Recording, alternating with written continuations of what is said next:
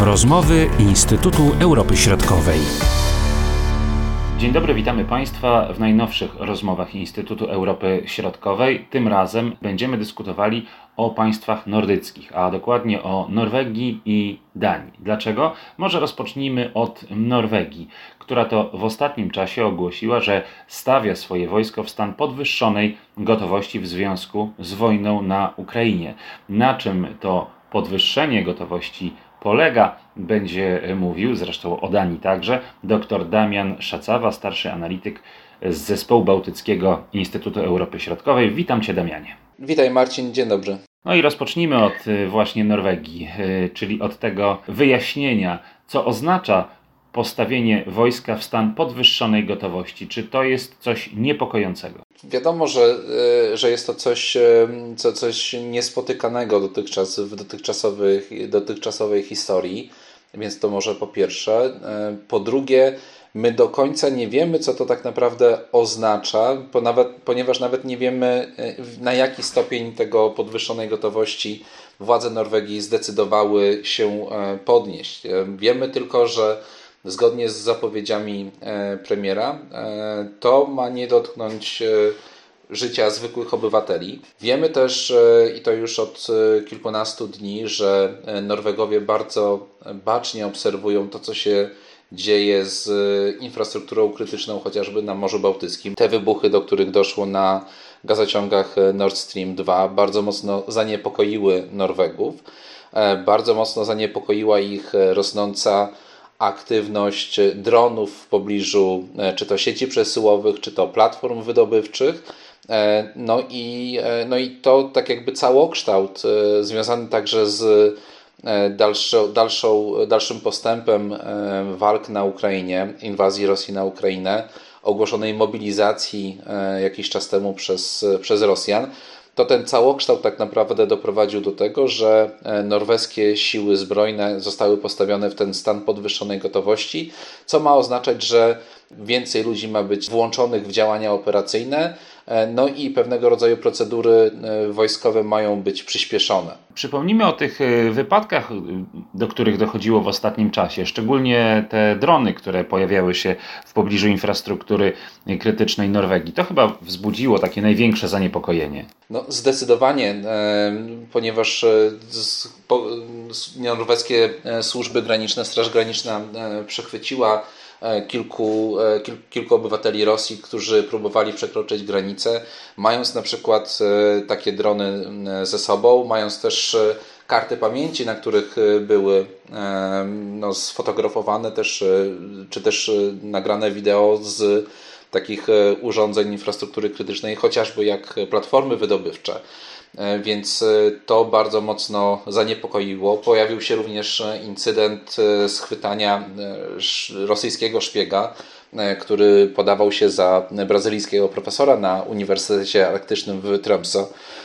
Więc no, jest tutaj szereg takich działań poniżej progu wojny. Dość łatwo sobie po prostu wyobrazić taką sytuację, że że mogłoby dojść do sabotażu podobnego do tego, z którym mieliśmy do czynienia z, w przypadku Nord Stream 2 e, i Nord Stream, Nord Stream 1, czyli gazociągów Nord Stream.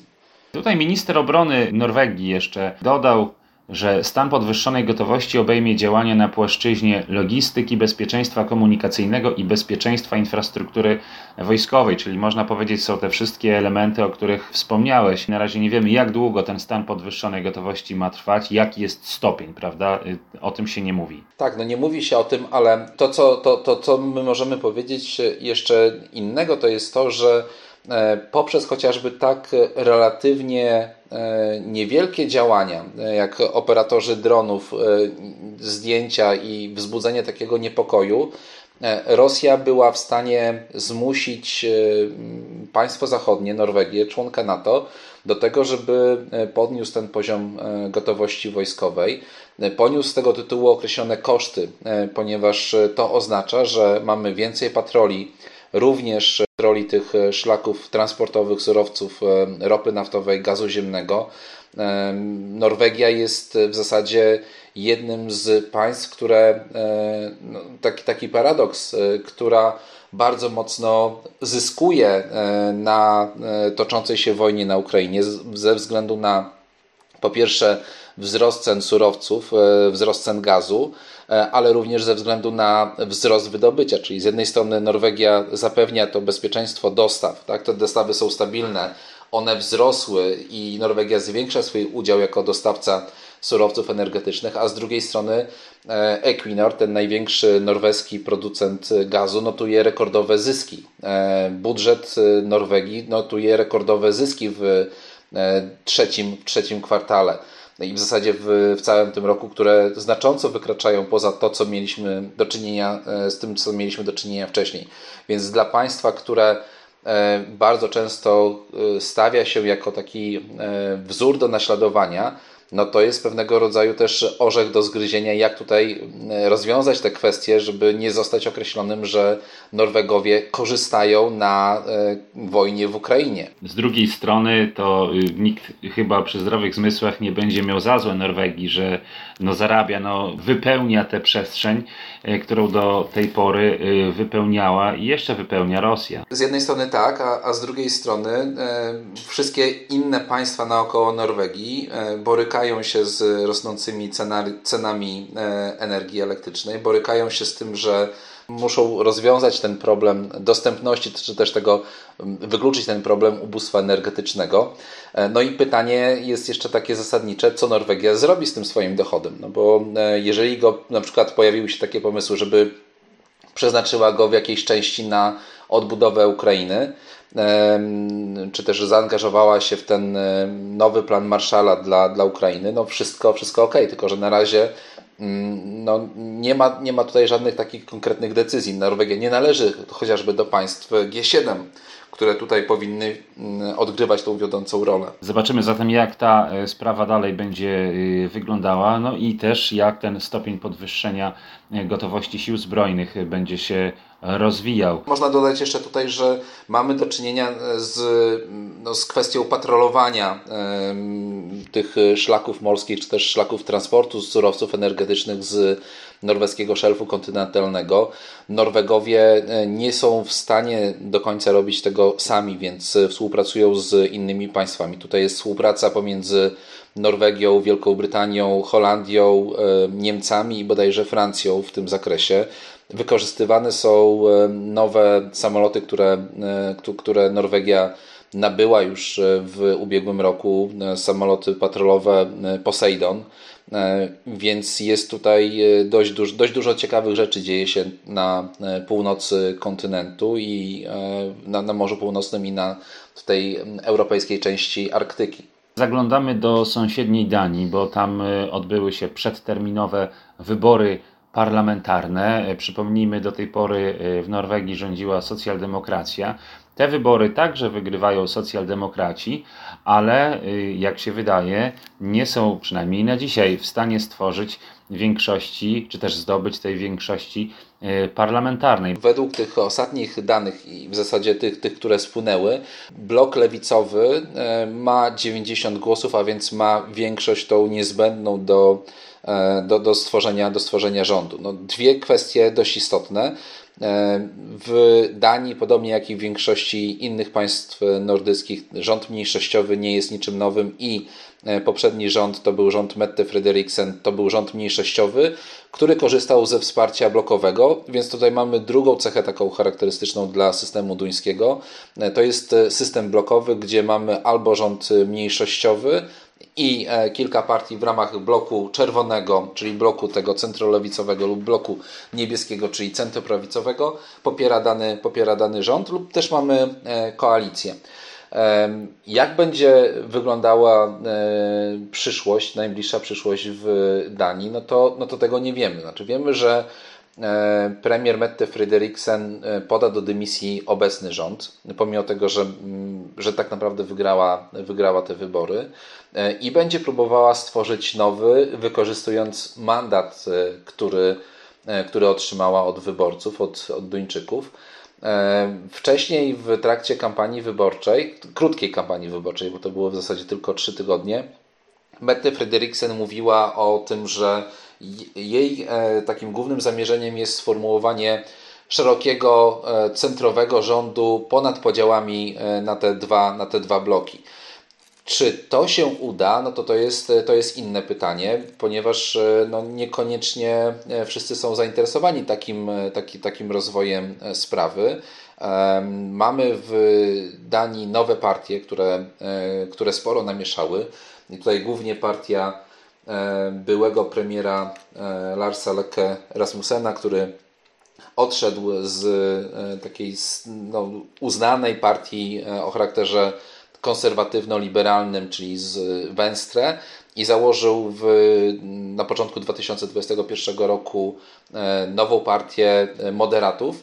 E, I ta partia bardzo dużo namieszała. Wydawało się nawet, że w tej nocy powyborczej, że to Lars Løkke Rasmussen będzie takim głównym rozgrywającym, ponieważ on nie określił wcześniej, w którym bloku on się widzi. E, czyli przy takiej równowadze, która, e, która, która wówczas była, no to e, głosy partii moderatów no byłyby kluczowe dla jednej bądź też dla, dla drugiej strony. Tym niemniej no teraz będziemy mieli do czynienia z negocjacjami. Zobaczymy na ile premier Mette Frederiksen wykorzysta ten mandat, który, który otrzymała i na ile udaje się stworzyć e, nowy rząd. Czy te wyzwania, które będą stały przed tym nowym rządem, one są podobne do tych dotychczasowych, czyli ten kryzys energetyczny przede wszystkim, czy coś jeszcze?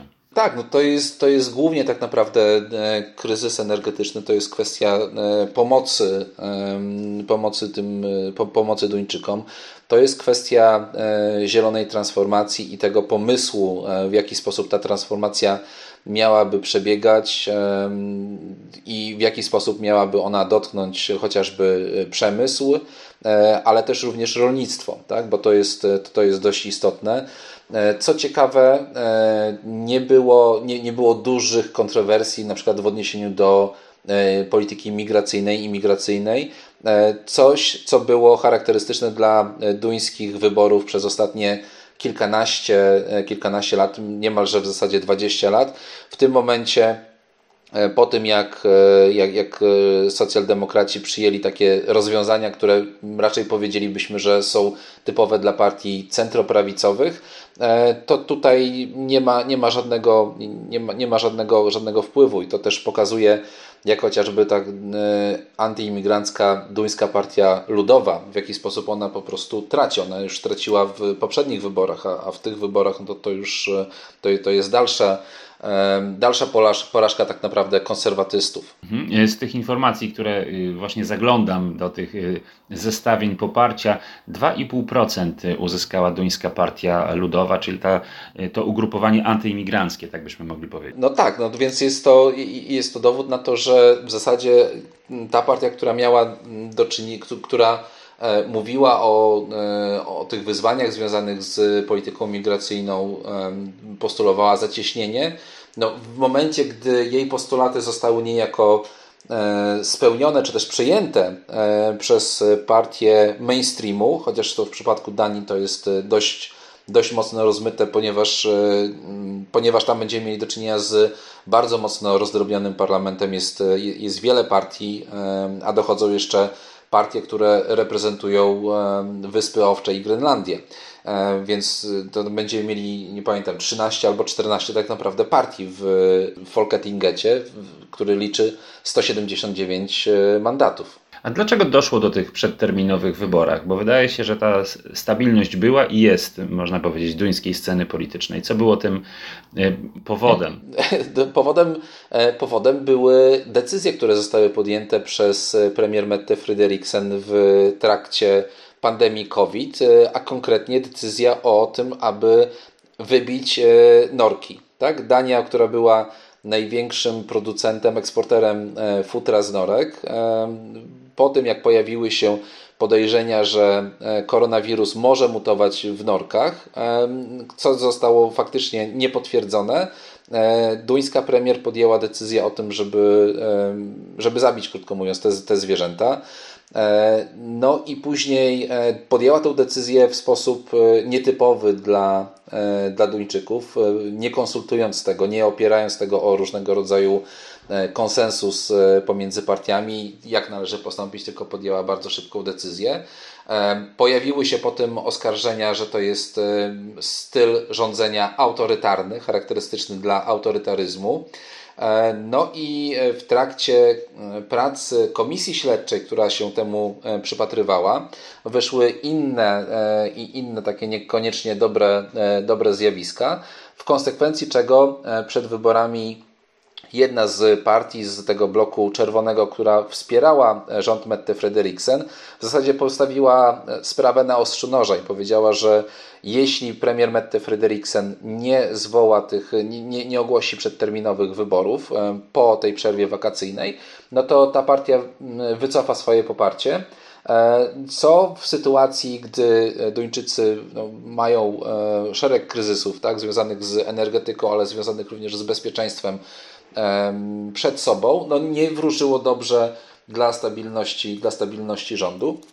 I faktycznie, e, tuż po, e, tuż po zakończeniu tej przerwy wakacyjnej, premier Mette Frederiksen e, na początku października, bodajże 5 października, ogłosiła te przedterminowe wybory, które odbyły się wczoraj. Były początkowo zaplanowane na początek czerwca 2023 roku, więc tutaj mieliśmy tak naprawdę o 7 miesięcy przyspieszone wybory. Jeśli chodzi o jakieś decyzje, których należy, należy się spodziewać w najbliższym czasie, w kwestii tego śledztwa mhm. w sprawie gazociągów? Nie, tutaj, tutaj na razie nic się, nic się nie pojawia nowego. Jest kwestia e, no, taka, czy, e, czy Dania, albo na ile Dania będzie e, mogła i będzie w stanie zwiększyć swoje wydatki na obronę, czyli coś, co premier Frederiksen obiecała E, już jakiś czas temu, e, na wiosnę, e, już po rozpoczęciu inwazji, gdy mówiła między innymi o tym, że należy no, zwiększyć to rozumienie bezpieczeństwa, że należy